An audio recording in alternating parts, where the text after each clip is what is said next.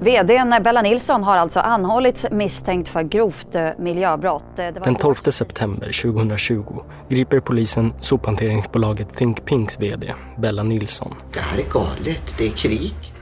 Hela huset håller på att rasa. Det kändes som någon släppte bomb hos oss. Bella, som kallar sig Queen of Trash, grips under ovanligt brutala omständigheter och blir sedan över en natt symbolen för allt som är dåligt för miljön. Think Pink förlorar alla sina kunder och bolaget försätts i konkurs.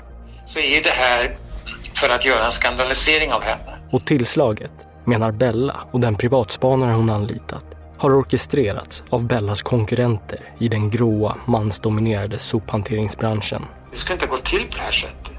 Det har gått för bra för oss så att eh, de vill sätta käppar i hjulet är väl vad vi misstänker. Va? Det är en osannolik konspiration som målas upp från Bella och hennes team.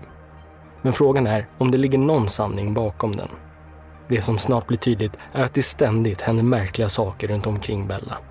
En erfaren polis nätstalkar henne och en folkvald politiker skapar stark opinion mot Think Pink i sociala medier. Jag vill att ni ska se vilken jävla miljöförstöring de har hållit på I händelsernas centrum hamnar journalisten och författaren Thomas Sjöberg som får en unik inblick i Bella Nilssons händelserika liv. Jag ledde i Stockholm och älskar Pink.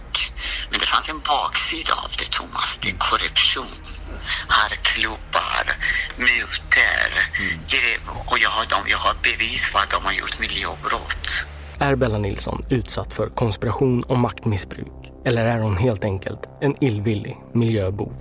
Lyssna nu på podcasten Motiv om Queen of Trash. En serie i fyra delar om Bella Nilsson och Think Pinks uppgång och fall.